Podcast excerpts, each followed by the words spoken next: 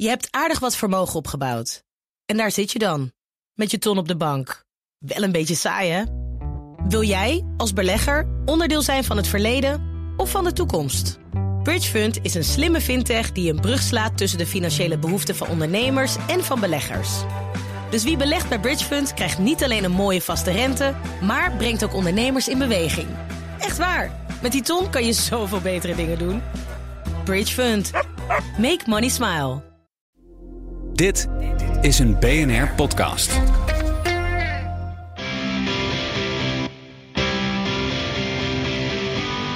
Nou, ik eh, start, start mijn auto en eh, tien voor twee zondag en hoor mezelf. Ja, dan zit je even, hè, hè, wat eh, hoe kan dit? Eh, Grote vraag is natuurlijk, wat zei je vrouw?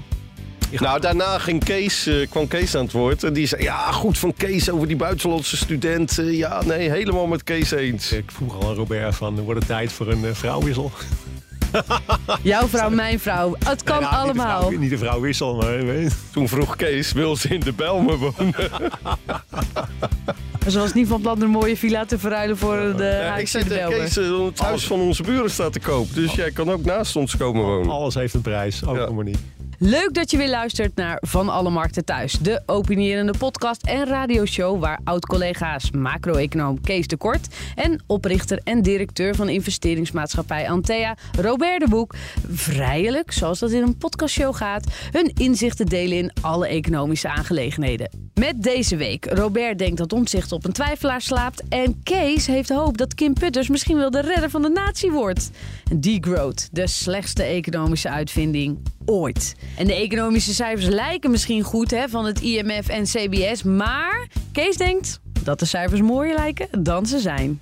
Met een scherp afgestelde bullshitmeter fileren de Waldorf en Stedtler elke week weer op scherpe en eigenwijze de Nederlandse economie, financiële trends en beleid.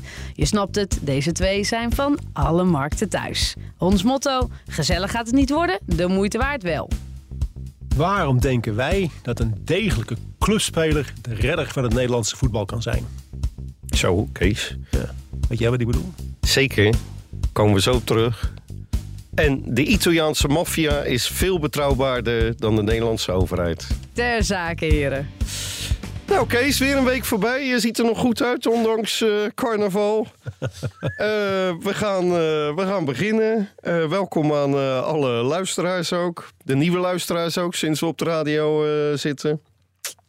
Ehm, ja, we beginnen met Politiek Den Haag. Kees, Roland Plasterk is, is klaar, heeft zijn rapport uitgebracht. En wat denk jij wat voor kabinet we gaan krijgen? Nou, Robert, degene die dat met enige zekerheid kan voorspellen, die bestaat niet. Nee, maar wat natuurlijk, wat wel duidelijk is geworden. Hè, we zijn nou maar ruim twee maanden verder. Het rapport is ingeleverd. Ja, en wat is er in die twee maanden gebeurd? Nou, dat, ja, dat eigenlijk niet zo heel veel.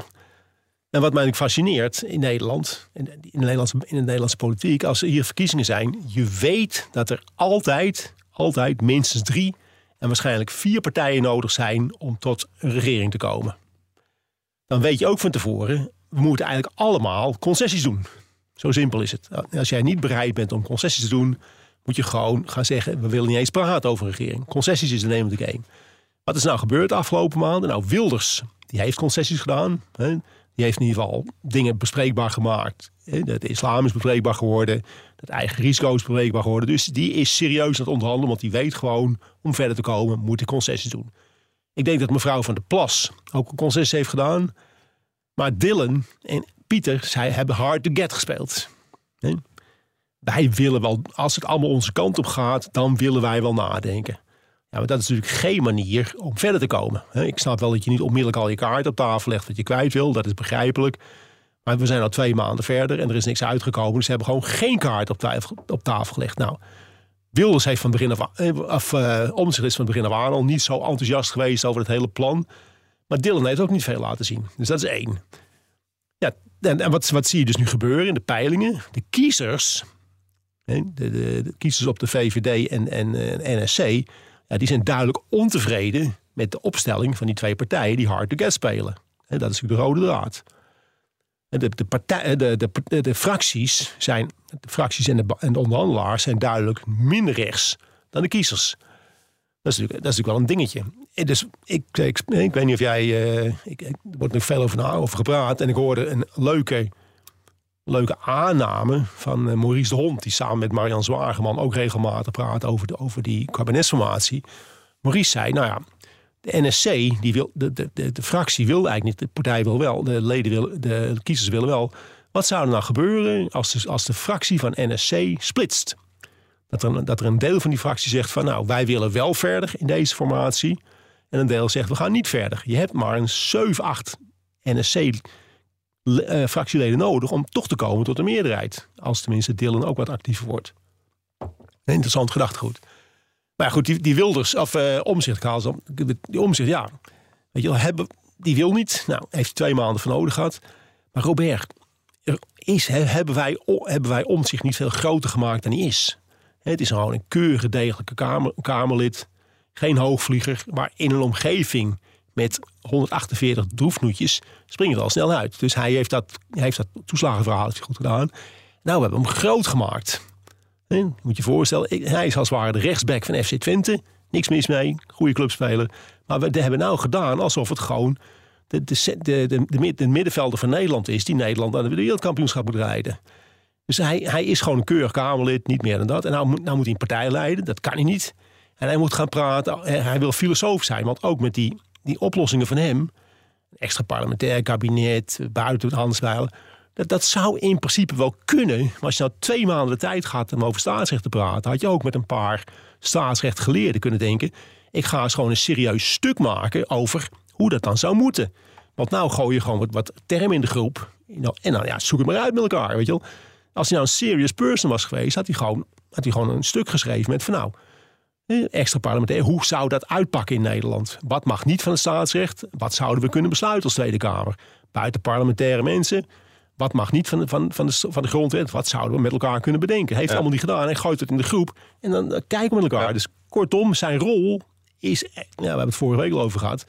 Ja, die is echt veel negatief. En hij heeft gewoon twee maanden, maand of anderhalf voor vertraging gezorgd... en is niet met iets gekomen waarmee we verder kunnen. Ja. Nee, ik ben het met je eens, Kees. Hij heeft laten zien dat hij totaal ongeschikt is. En jij zegt Dylan en Omtzigt. Ik zag gisteravond een eh, enquête onder VVD-kiezers en NSC-kiezers. Over de populariteit van hen beiden. Dylan stijgt de afgelopen maand enorm. Dus die heeft echt een ommekeer eh, teweeggebracht. Omzicht de andere kant op. Van populariteit onder NSC-kiezers van 97% nog maar 52% over. Ja, dat, dat weglopen, dat was natuurlijk helemaal te gek voor woorden. Hij liet weten, ik ben moe. Nou, hij heeft dagen in zijn bed onder de dekens gelegen. Nou, zijn bed zal waarschijnlijk wel een twijfelaar geweest zijn. Ehm, ja, en, en dan zien we, als we dat rapport van eh, Plasterk lezen... eerst is er uitgebreid onderhandeld over de rechtsstaat. Nou, daar concluderen we... Wilders heeft enorm water in de wijn Ja, gedaan. ja, dat- Die is heel ver, eh, die is diep gegaan... om tot een compromis, om tot een compromis te komen. Ja, nou, daar is een akkoord over bereikt. Ook Omzicht heeft gezegd, nou ja, dat is prima. En dan zegt hij vervolgens, ik geloof twee dagen later...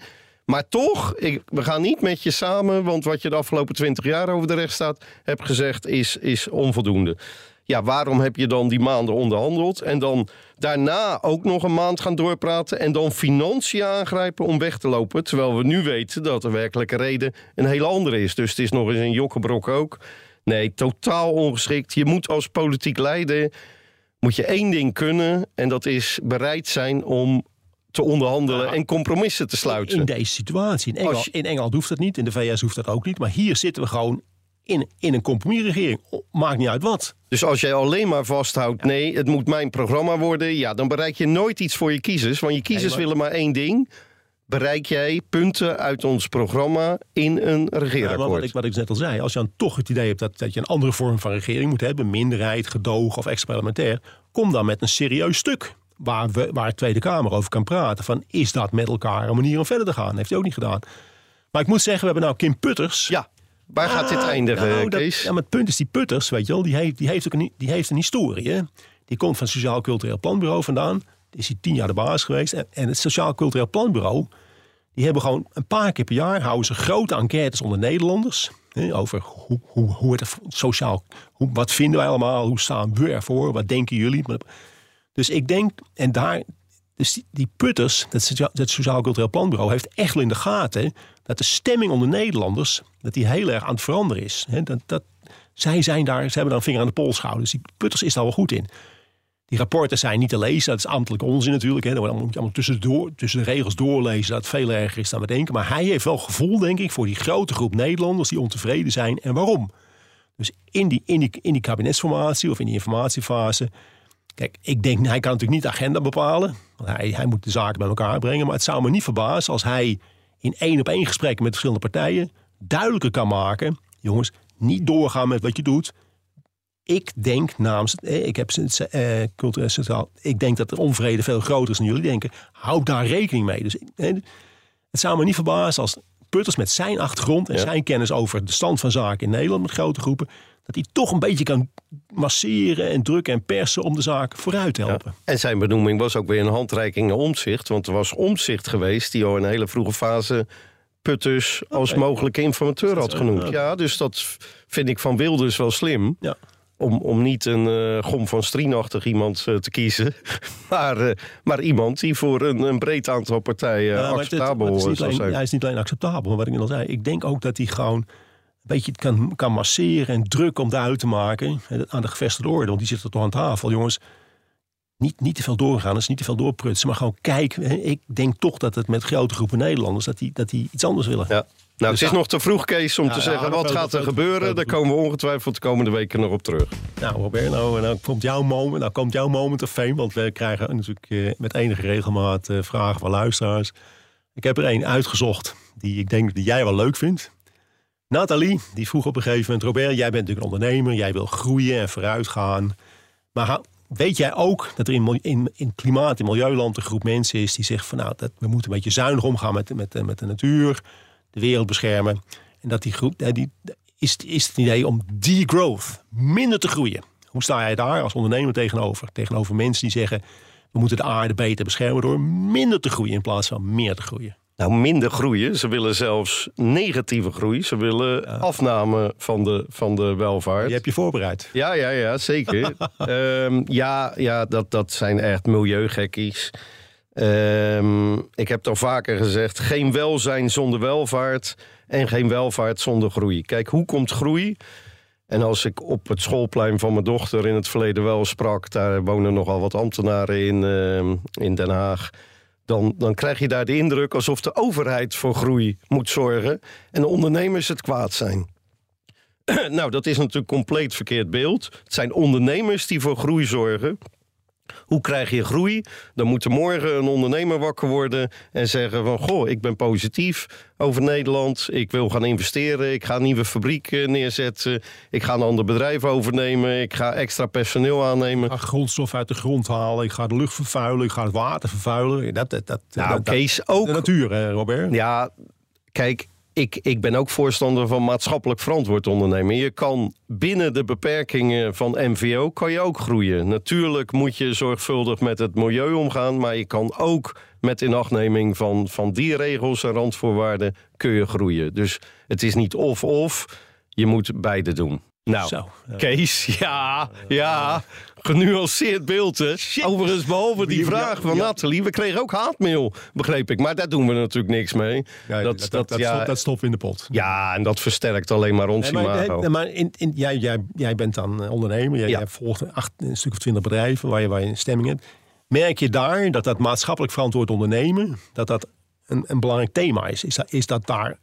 Speelt dat een rol? Of zeggen die, zeggen die ondernemers toch van... ja, joh, dat, dat is allemaal leuk en aardig... maar dat kost handenvol met geld. Dat gaat ten koste van de productiviteit. Dat gaat ten koste van dit en ten koste van dat. Eh, Aarde is fijn, klimaat is prima... maar, weet je, maar wij moeten mensen aan het werk houden. Wij moeten op een gegeven moment Ja. wel verder. Hoe, hoe belangrijk... eh, hè, Dat MVO, dat klinkt goed... maar Ja. wordt het ook daadwerkelijk ingezet? Het is wel grappig dat je dat vraagt, Kees. Van de week hebben we die discussie bij een deelneming gehad. Uh, hack je mij of heb ik afluisterapparatuur Nee, nee, nee, of zo nee, nee. aan me? Nee, ja, daar, speelde de vraag. Zit je gewoon te bluffen? Nee, nee, nee. Dat is een, dat is een bedrijf waar, eh, die, tot, die nu heel veel doet aan, aan MVO. Eh, en zich afvraagt van ja, heeft dat wel voordelen richting de klant? Je ziet zo langzamerhand in ondernemersland ook wel een omslag. Slaan we niet te ver door daarin? Dus ja, die discussie en die, die eh, rond je niet af in, eh, in één uh, raad van commissarissenvergadering. Maar het is wel een interessante vraag van ja, als de klant dat blijkbaar niet waardeert en je verslechtert je concurrentiepositie ten opzichte van anderen.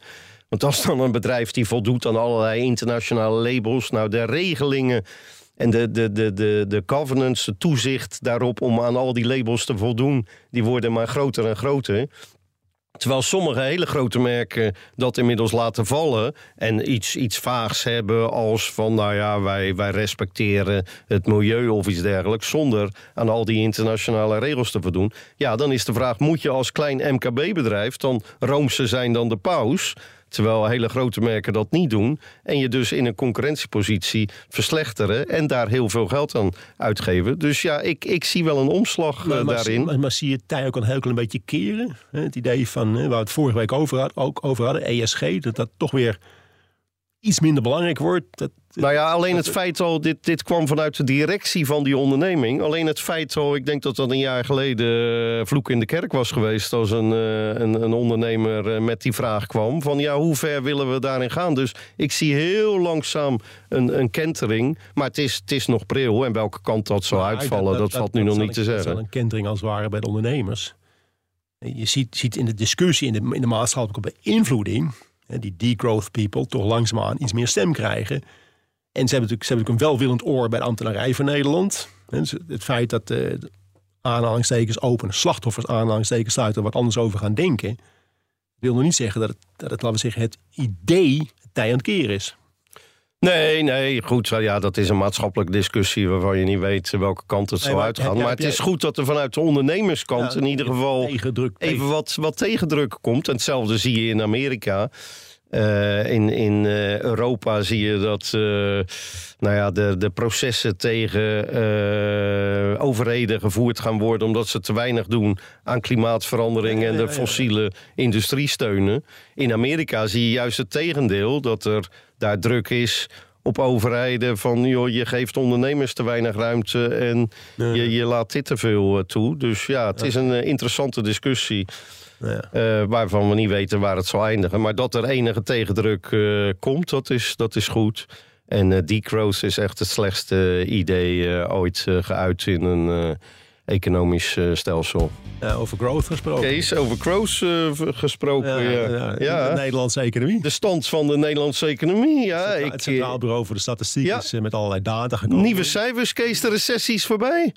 Ja. Is, is dat jouw lichtpuntje van de dag? Ja, nee, van de dag, van, van, van de week. Oké, okay. nee, maar dus laten we zo zeggen. Het CBS geeft natuurlijk aan wat er gebeurd is.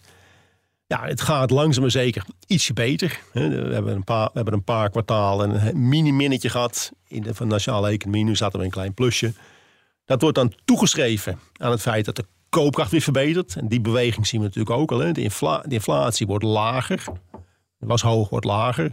De loonstijgingen zijn nog steeds behoorlijk hoog. Dus laten we zeggen, de laatste maanden hebben mensen als het ware meer geld gekregen dan de prijzen zijn gestegen. Dus dat is dan wel goed voor de consumptie. Opgeteld in de loop van de tijd begint het nu zo te zijn dat de prijsstijgingen vanaf de afgelopen twee jaar. Daar komen nou loonstijgingen die komen in de buurt van de prijsstijging. Maar op dit moment is de beweging inflatie wat lager dan die was, lonen wat hoger dan, dan, dan ze waren. Dus dat is, dat is goed, voor de, goed voor de inkomens, goed voor de bestedingen. Dus dat, dat is op zich wel, uh, wel aardig. Hè? Dat, uh, positief nieuws zou, je zeggen. Nou ja, zeker. De, de recessie is voorbij. Want na drie kwartalen krimp uh, hebben we nu weer dat, groei. Dus technisch gezien zijn we uit de recessiecase. Maar, ja, maar dat, je ziet nog steeds, hè, dat, is, dat is allemaal klein plusje, klein minnetje. Stelt om niet voor. Maar Mhm. -hmm. wat er ook gebeurd is, CBS gaat over het verleden. De IMF, die stuur, de IMF, International Monetary Fund, die sturen altijd delegaties op pad om naar de economieën van bepaalde landen te, van landen te kijken.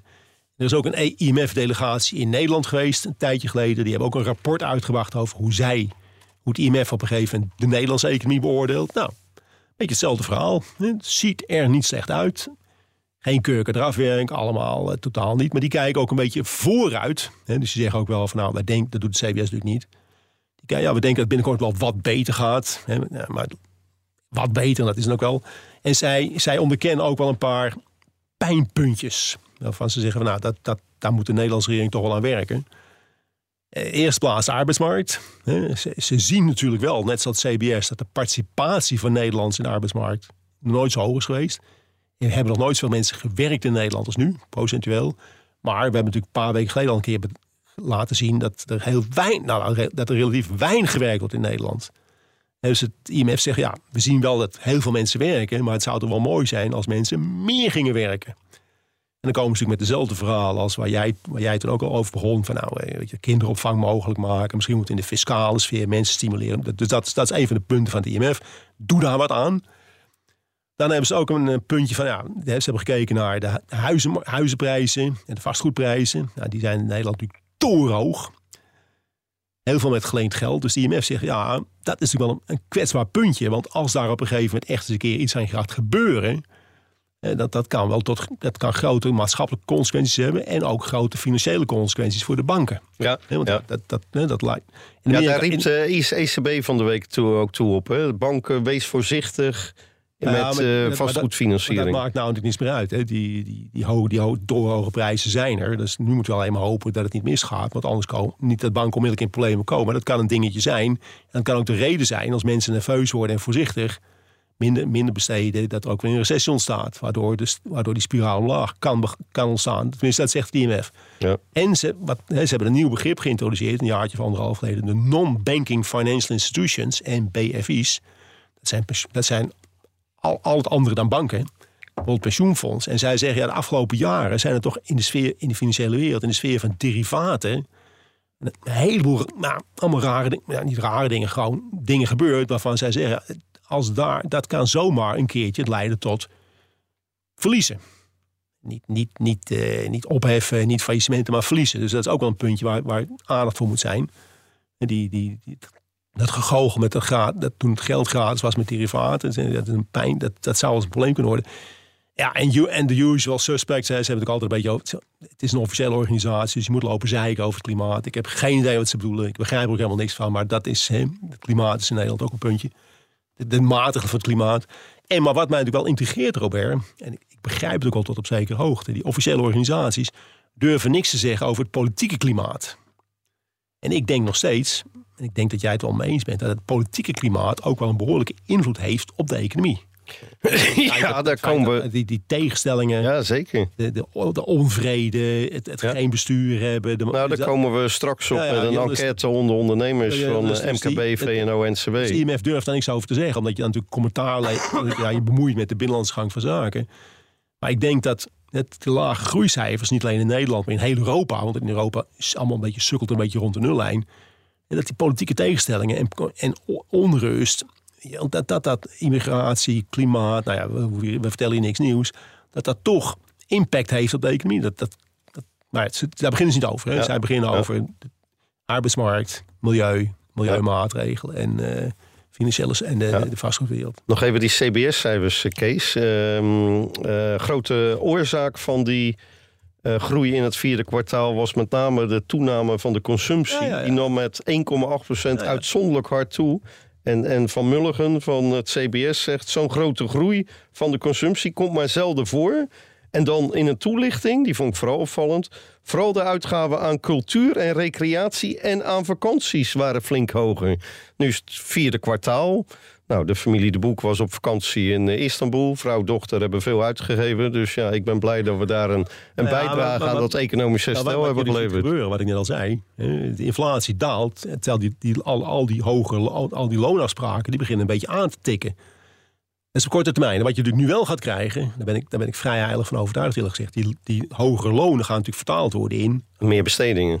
en in hogere prijzen. Ja. De lonen Ja. gaan besteed worden, maar de, de leveranciers gaan de prijs. Tenminste, dat lijkt mij. Dus het, het, ik denk dat de daling hè, van de inflatie, die vooral is gekomen door een daling van de energieprijzen, dat die weer gaat stijgen. A, doordat de prijs verhoogd wordt. En B, moet er in de internationale oliewereld niet al te veel tegen zitten. Of we krijgen daar opnieuw een olieschok. Hè. Dat, dat is nog niet zover. Maar dat, dat hangt natuurlijk wel boven de markt. Dus het ziet er Eens goed nou uit. begonnen we zo positief en dan toch weer een, eh, een negatief einde van zo'n eh, positief item. Jij bent eh, jij bent- echt Waldorf en Jij Stedtler. gedraagt je als een meisje. Je moet positief zijn.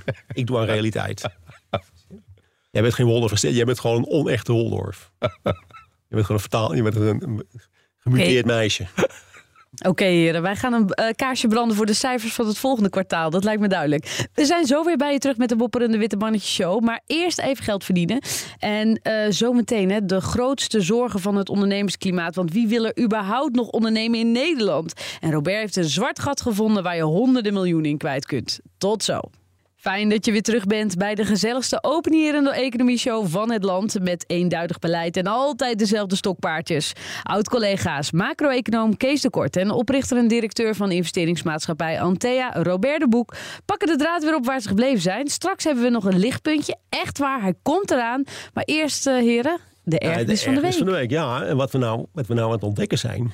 Kijk, Robert is eigenlijk een verkapt meisje. Die wil positief zijn. Dus ik, Robert, weet, kun jij nog wel een ergernis vinden? Vind je nog iets waarvan je zegt, dat moeten we toch weten, daar moeten we toch eens even over. Hè, dat is niet leuk, maar ja, liever niet, want ik wil positief zijn, maar ik ga het toch zeggen. Nee, ik heb echt wel een ergernis van de week hoor, eh, Maak, Kees. maak iets Eh, moois. Maak, probeer het toch een goede, goede draai aan te Ja, geven. nee, de ergernis van de week betreft de Nederlandse staat. Ik zei het in de intro al, de Italiaanse, Italiaanse maffia is betrouwbaarder. En dat gaat dan om het geschil met ehm, Shell en eh, ExxonMobil over Groningen.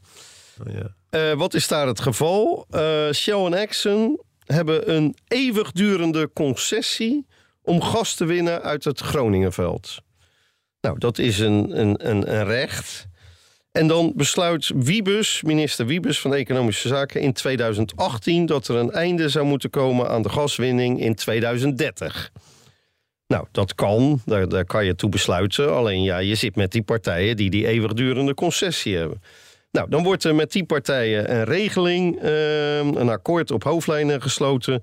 waarin afspraken worden gemaakt over het ontvlechten van hun organisaties van de gaswinning. En vindt ook compensatie plaats. Lijkt me ook reëel, want ja, die partijen die hebben schade. Dat een overheid besluit kan. uit veiligheid, dat kan. kan, dat kan je doen. Zeker. Maar je hebt met businesspartners te maken en die afspraken moet je respecteren. Nou, wat doet Wiebes vervolgens? Eén jaar later laat hij weten, één jaar na dat akkoord dat we in 2030 gaan stoppen, laat hij weten, we gaan al eerder stoppen, we gaan in 2022 stoppen.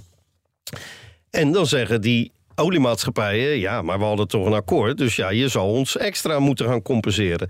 En Kamerleden zijn dan verbijsterd over de opstelling van Shell en ExxonMobil. Nou, dat zijn naïvelingen van de grootste orde van grootte... Die al- nooit onder de Haagse kaastop vandaan zijn gekomen. zijn mensen die zitten alleen maar in die ambtelijke orde, weten niet hoe de echte wereld werkt. In de echte wereld maak jij afspraken. Laten we ook wel zijn, niet vergeten, Shell en ExxonMobil zijn ondernemingen. Dat zijn geen maatschappelijke organisaties, zijn hoeft mij ondernemingen. niet overtuigen, dat is wel Ja, duidelijk. nee, maar voor de luisteraar, want die denken misschien van ja, Shell en ExxonMobil moeten toch doen wat de overheid zegt. Ja, dat is prima, zijn, maar eh, dat zijn. Of fossiele bedrijven die in fossiel handelen, die moeten weg. Ja, nou, dat staat er dus helemaal los van. stoppen. Ben je fossiel of ben je niet fossiel? niet- Je hebt gewoon een afspraak met een overheid. Niet in de beleving van, niet, niet in de beleving van de Nee, Tweede Kamer. nee, nee, maar- Fossiel moet weg. As Ja, soon as ja, possible. nee, Nou, precies. Nou, dat kan allemaal zijn. de maar- rechtsstaat denkt er anders over, maar dat ja, nee, je hebt gewoon afspraken en die moet je respecteren. En ja, ehm, ze zijn er nu niet uitgekomen. Ehm, en, en ExxonMobil en, eh, en Shell beginnen een arbitragezaak. Ja, ik denk dat de staat kansloos is. De staat toont zich hier echt een onbetrouwbare partner. En die zal gewoon schade moeten vergoeden aan die oliemaatschappijen. Die schade zal in de miljarden dat zeg- gaan lopen. Heb je enig idee van hoe groot? Hoeveel, Nou, dat, dat gaat echt eh, heel veel miljarden waarschijnlijk kosten. En dat verbaast mij aan het geheel. Ja, ik ben niet verbijsterd over de opstelling van eh, Shell en ExxonMobil. Ik ben verbijsterd over het feit dat de staat bij die beslissing om te stoppen in Groningen niet een rekensom heeft gemaakt. A, wat gaan we derven zelf aan gasopbrengsten? Maar B, wat zijn we mogelijk ook kwijt aan schadevergoeding aan die concessiepartners? Robert, het hele idee van die energietransitie, in welke vorm dan ook, is dat de voordelen worden breed uitgemeten. Breed uitgemeten. En over de consequenties horen we nooit iets. Dat is nou precies mijn punt. Als, we nou, als, we, als je een plan maakt van dit zijn de voordelen en je praat over de nadelen, dan wordt de beoordeling van het plan totaal anders als je alleen zegt dit zijn de voordelen en de nadelen, ja, die zijn er niet. Als je Nou gewoon, Robert, als je, na, je moet gaan op de, de zou om. Kijk, wat we fascinerend vinden, er is nog nooit een onderzoek gedaan naar de totale kosten van het klimaatbeleid. Ja, dat, dat, dat zit verdeeld in ontzaglijk veel potjes, ontzaglijk veel regelingen. En er is nooit, en er is ook nooit een verzoek van de Kamer geweest om eens op een rijtje te zetten. Wat, hebben we, wat kost dit allemaal, die, energie, die, die, klimaatmaatregelen? En je ziet gewoon opgeteld, hè? subsidies, vrijstellingen, noem het allemaal op. Het opgetelde plaatje. Wat zijn nou de kosten van wat wij als samenleving moeten maken? En wie dat betaalt, maakt niet uit. Om, om die doelstellingen te behalen. Als dat, als dat, het is, dat, is, dat is echt het best bewaarde geheim van Den Haag. Je kunt, je kunt makkelijk aan de telefoon aan de 06 van Joe Biden komen in de VS. Dan dat je, uit, dan, dat je, dat je te weten komt wat, wat de totale kosten van energie van de, van de klimaatmaatregelen zijn. Dat is, Ja, geen, dat dat is geen toeval, hè, want er wordt zorgvuldig alleen maar niet, niet over gepraat. Ja, nou, dit, dit, dat vind ik het zorgwekkende van dit voorbeeld. Dit Tuurlijk. komt nu naar buiten, maar dit is maar het topje van de ijsberg. Tuurlijk. Het amateurisme bij de staat Nee, nee, dat is expres. in, Dat is expres. in relatie tot, tot zaken doen met, eh, met, met commerciële marktpartijen moet heel groot zijn. En ja, het is onverantwoord en naïef om zo op te treden met geld van ons allen. Dat- Maar laten we niet vergeten dat Ja, dat- dat- dit overheidsgeld is. Dat bedoel ik. Maar wat straks gaat- naar die maatschappijen echt- moet. Dat, ga- dat gaat echt, dit is een paar miljard zijn, maar dat gaat echt veel en veel en veel groter. We hebben het, hè, het val vorige week over die netwerkkosten gehad. Dat, dat loopt ook volledig uit de hand. Het is ook gewoon, je moet meer betalen voor je energie. Terwijl dat zonder, die- zonder, dat zonder al die maatregelen niet gebeurd zou zijn. En zo zijn er heel veel dingen die in allerlei potjes en regelingen zijn geschoven... die gewoon opgeteld voor de consument de gods mogen kosten. Ja. Nou, ik hoop dat ik na deze ergernis weer gewoon als man door jou eh, gezien word, Eh, eh, man- Kees. man- eh, mannetje, mannetje, mannetje. mannetje. Ja, oliemannetje. Oliemannetje. Ja. dat zegt wel genoeg. Wat was jouw ergernis, Kees? Ja, Robert, je weet dat ik, eh, ik volg de Tweede Kamer een beetje.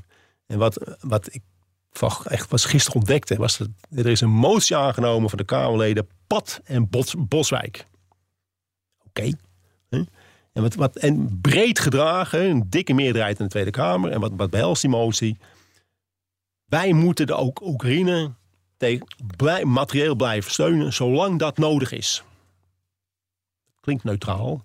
Maar Robert, in de Nederlandse politiek hè, worden er een godsmogen uitgegeven in de loop van de tijd met allerlei veiligheidsmaatregelen. Maar te voorkomen dat er ook maar één iemand in Nederland onnodig doodgaat. Dat, dat mag een patiënten kosten.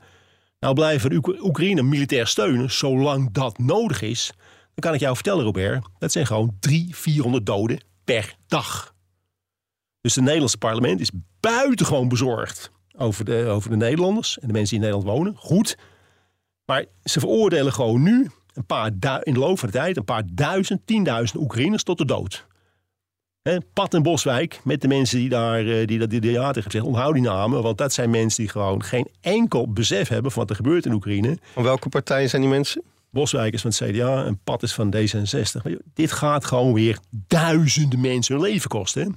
Dat Door dezelfde mensen die hier in rep roer zijn als oma van de trap afvalt omdat er een treetje scheef is. Dan moeten we iets doen. Alle treetjes moeten recht zijn. Het is, het is een- zo'n grof schand. En die tweede, kijk, vorige week hadden we die dassen. Die clown die dan gewoon zegt, ja, zet, zet een flat een vlag op het dak. Nou, dat doet, dan, Ja, dat je was overigens lag wel iets anders dan jij zei, Kees. Dat was alleen op de dag, Ja, op 24 februari. Het was maar één dag, op Nou, goed, 24 weet je wel, februari, dat is, de dat dag is van allemaal, de dat is allemaal, inval. Dat is allemaal deugen voor, voor, voor, voor, jij, voor je vrouw en voor je kinderen. Maar dit, Robert, dit gaat echt heel erg veel mensenlevens kosten. Wel iets ander verhaal. En echt een serieuze, godgeklaagde schande in de Tweede Kamer in Nederland. Goed. Ja, oké. Nou ja, dan, hebben we, ja, dan komen we een onderwerp wat eh, jou waarschijnlijk eh, ongelooflijk te harte gaat. Eh, het midden- en kleinbedrijf, die, organisatie, heeft een, die, die hebben de nationale peiling ondernemersklimaat uit laten voeren. En ik heb het rapport, we hebben het, al- rapport allebei gelezen. En ik moet zeggen, Robert, ik was wel enigszins geschokt door de uitkomsten. Als, nou, als ik al geschokt ben door de uitkomsten, dan denk ik, wat, wat is er in godsnaam aan hand met die ondernemers? Dan moet jij gewoon slecht geslapen hebben vannacht. Kun jij eens de luisteraars meenemen in wat dat MKB heeft ontdekt in, in, in het ondernemend Nederland? Ja, zeker Kees. En ik was niet geschokt, want ik roep het hier al maanden... Hè, dat ik eh, negatief gestemd ben over het ondernemersklimaat. En dat werd nu in deze enquête werd dat, eh, bevestigd. Ehm, MKB Nederland en VNO-NCW hebben onder 1645 ondernemers... een onderzoek gedaan over het ondernemersklimaat. En dan moet je realiseren, over het algemeen zijn ondernemers optimisten. Want anders was je wel ambtenaar geworden als je wat negatief in het leven staat. Ik, oh, heb je dat? Ik ben toch ook nooit ambtenaar geworden? Nee, nee ja, jij bent een uitzondering. Jij valt in geen enkel hokje te plaatsen. jij bent echt uniek. Uh, maar dat zijn over het algemeen optimisten. Maar over het ondernemingsklimaat zijn ze toch heel somber. Ik zal een paar conclusies uh, geven. Slechts 1 op de 3 vindt Nederland een aantrekkelijk land om in te investeren. Belangrijkste zorgen zijn 1 regeldruk, 2 arbeidsmarkt, 3 belastingen. 75% vindt het ondernemingsklimaat de afgelopen vijf jaar verslechterd. En Robert, noem nog eens die drie punten, want ik dacht een rode draad onder. Regeldruk, arbeidsmarkt, belastingen. Betekent dus de overheid. Ja, dat komt allemaal van over. Dus dit, dit is ook makkelijk op te lossen. Het is een oproep op de politiek. Het punt is dus de overheid, de opgetelde wijsneus in Den Haag... die spelen een buitengewoon negatieve rol in het ondernemersklimaat van Nederland. Ja, ze, zouden, ze, zouden, moeten, ze zouden moeten zijn voor de, voor de verbetering van de ontwikkeling in Nederland. Dat doen ze niet. Ja, want 80 procent, dat is de volgende conclusie, 80 procent is ontevreden over politiek en bestuur. Eén op de vijf ondernemers overweegt met het bedrijf of een deel van het bedrijf uit Nederland te vertrekken. 20 procent. En 17 procent overweegt serieus om in 2024 met het bedrijf te stoppen. Heb ik ook al vaker aangegeven. En 25% zegt de komende 12 maanden niet te investeren in Nederland. Nou, we hadden het al even in de discussie over degrowth. Waar komt welvaart vandaan? Welvaart komt omdat ondernemers in Nederland willen gaan investeren. Nou, 25% zegt gaan we niet doen. Degrowth is dichterbij dan je denkt. Zeker, dat, de politiek zorgt daar vanzelf wel voor. Zou, zou nou, we hadden het net over die Kim Putters. En uh, dat die wel, wel ingevoerd is, denk ik, in de stemming in Nederland. Zou die zich nou ook realiseren hoe die ondernemers tegen die overheid aan kijken? Zou, zou dit verhaal nou enige impact gaan krijgen in die formatieonderhandelingen? Want het, lijkt mij toch, als ik het zo eens hoor, een vrij belangrijk, een vrij belangrijk item. Nou ja, dat, dat, daar valt bijna niet te ontkomen. Iedere dag lees je ook wel uh, uh, onderzoek of uh, onder, grote ondernemingen die, die ook uiten dat ze zich zorgen erover maken. We hadden de topman van ASML een paar weken geleden. Vanochtend in de krant der kranten case, eh, het FD. Waarschuwing, DSM waarschuwt Nederland wordt onaantrekkelijker. Dus ja, dit kan in de SER, waar Kim Putters de, de topman is, natuurlijk geen verrassing zijn. en die, deze enquête ondersteunt dat. Dus ja, je mag toch hopen dat dit ruime aandacht zal gaan krijgen in de formatie. Nou, ik wil niet veel zeggen, maar in de politieke discussie aangaan, rechtsstaat, allemaal prima. In, al, iedereen wordt gequote tot in ons weegt. De, de penlikkertjes die rennen achter elkaar aan om coaches te halen. Het woord bedrijven, bedrijfsleven, ondernemersklimaat heb ik eerlijk gezegd nog niet gehoord de afgelopen 2,5 maand. Maar behalve bij Dylan, uh, Kees, VVD. Uh, ja, ja, ja, zeker. Op het, congres, om het congres merkte ik dat ook. het congres. Vijf nieuwe Kamerleden ontmoet. Ja, die riepen toch allemaal als prioriteit het ondernemingsklimaat in Nederland. Dus ik hoop toch dat de VVD in de onderhandelingen iets weet beter binnen te halen. Is dat een van de redenen waarom Dylan het iets beter gaat doen is? Maar goed, ga door. Het, het, ziet allemaal vrij... Uh, geen... Ja, dat, dat ziet er dus somber uit. Um, ja, waarbij je wel enigszins een verschil ziet op sommige thema's uh, tussen kleine en grote ondernemingen. Kijk, dat verhuizen, ja, dat speelt bij kleine en kleine ondernemers, zal dat niet snel doen.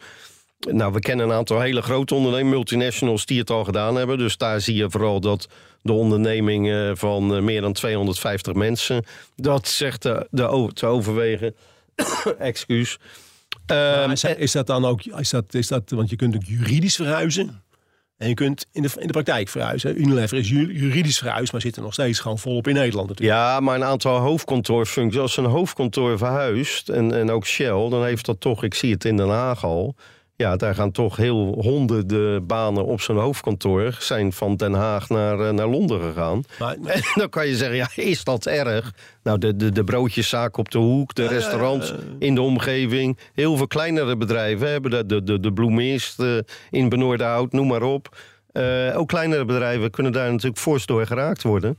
Maar jij, jij denkt dus dat het voor hele grote bedrijven eigenlijk makkelijker is om in ieder geval grote delen uit Nederland weg te, weg te weg te halen of weg te, weg te brengen dan voor kleinere bedrijven? Nou Waar, je- is een beetje de grens, denk jij? Je, je- nou, ik denk dat, dat dat zie je in deze enquête ook. Ehm, ja, eh, het, het speelt vooral bij ondernemingen vanaf 250 medewerkers. Kijk, kleinere, daar is de continuïteit natuurlijk veel meer in het geding. Als je een klein bedrijf hebt, ja, is het wel een stap. Personeel vinden is al moeilijk genoeg. Ja, dan moet je zeggen, we gaan stoppen in eh, Nederland en ik ga met nul beginnen in, eh, in Engeland of, of Frankrijk. Dus ik zie kleine ondernemers dat niet, eh, niet snel doen. Hoewel ook daar toch wel een, een percentage noemt. Maar het kan ook zijn dat ze dat noemen om druk op die politiek uit te oefenen. Van, joh, hier maken wij ons zorgen om. Maar, ja, ja. maar ik heb nog één vraag. We hebben natuurlijk de afgelopen week een aantal keer gepraat over het Nederlandse beleid ten aanzien van de toekomst. Hè? AI, biotech, high-tech.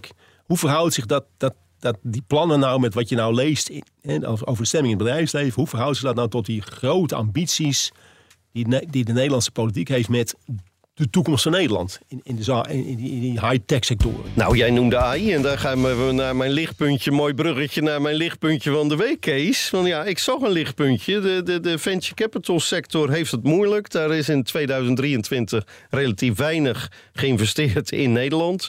Nou, dat zijn fondsen die hebben honderden miljoenen tot hun beschikbaar. Ja, daar moet wat mee gebeuren. En ik las dat in eh, 2023 er één sector is die daar eh, bovenuit springt. Er is in de AI-sector, in Nederlandse AI-bedrijven, maar liefst het afgelopen jaar voor 344 miljoen euro geïnvesteerd. Is dat veel? Ja, dat Ja, is veel, want dat is 15% van het totaal. Dus in één sector is 15% van het totaal wat in scale-ups en start-ups geïnvesteerd is, naartoe gegaan. Ja, jij hebt al een paar keer proberen uit te leggen dat investeren in een start-up geen goed idee is. Er gaan heel veel bedrijven failliet.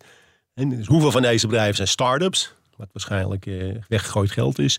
En hoeveel procent zit in scale-ups, waarvan jij dan ook al een paar keer hebt gezegd, nou ja, dat, dat heeft dan, omdat je al wat groter bent geworden, worden de perspectieven wat beter. Ja, is, dit dat- is dit weggegooid geld of is dit eh godzegende greep? Eh, nou, dit, dat zal ongeveer 50-50 denk ik tussen start-ups en scale-ups. Ehm, ja, kijk, bij, bij AI, dat, dat idee bestaat wel eens van, joh, dat is eh, one, one winner takes it all. Ja, zo, zo is het niet. Het is net als in de IT-sector. Toen de IT-sector in de jaren 70, 80 eh, een vlucht nam, ja, dachten we misschien ook, ja, dat gaat alleen IBM en eh, Microsoft gaat daar de toonaangevende speler worden. Er zijn duizenden Nederlandse succesvolle IT-ondernemingen. Ja, en ik ben ervan overtuigd dat eh, dat voor AI ook geldt. Overigens zorgt AI ook voor die enorme hoos op de beurs. Ik hoorde vorige week Radio 1 journaal hoorde ik, wel een leuke anekdote, hoorde ik zeggen, er is een record op de AEX. En hoe komt dat? De techsector draagt daaraan bij. En hoe komt dat? Door kunstmatige inseminatie.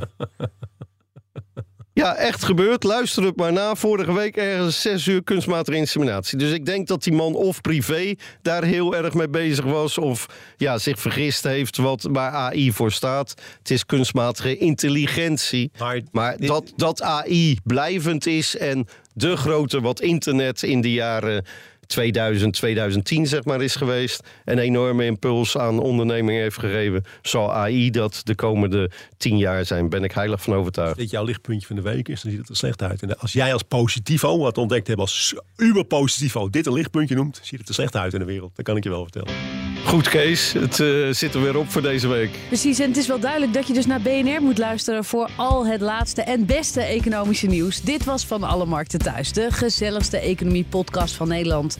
Ga naar je podcast-app en klik op abonneren om voor elke week een portie macro-economisch optimisme eh, of realisme. Dankjewel Nathalie voor je fantastische vraag. Heb je nou ook zo'n vraag? Dat kan. Reageer dan even via redactie.bnr.nl of via de Q&A op Spotify. Volgende week zijn we er weer. Zaterdag om 1 uur op de radio en zondag om... Ik zeg Nee, het nu. andersom. Het is andersom, sorry. Zaterdag 5 uur, zondag 1 uur. Gelukkig weet Robert het wel. Zaterdag 5 uur, zondag 1 uur zijn we ook nog op de radio. Ehm ja, toedeloe. Tot, tot volgende week. Tot volgende week. Je hebt aardig wat vermogen opgebouwd. En daar zit je dan, met je ton op de bank. Wel een beetje saai, hè? Wil jij, als belegger, onderdeel zijn van het verleden of van de toekomst? Bridgefund is een slimme fintech die een brug slaat tussen de financiële behoeften van ondernemers en van beleggers.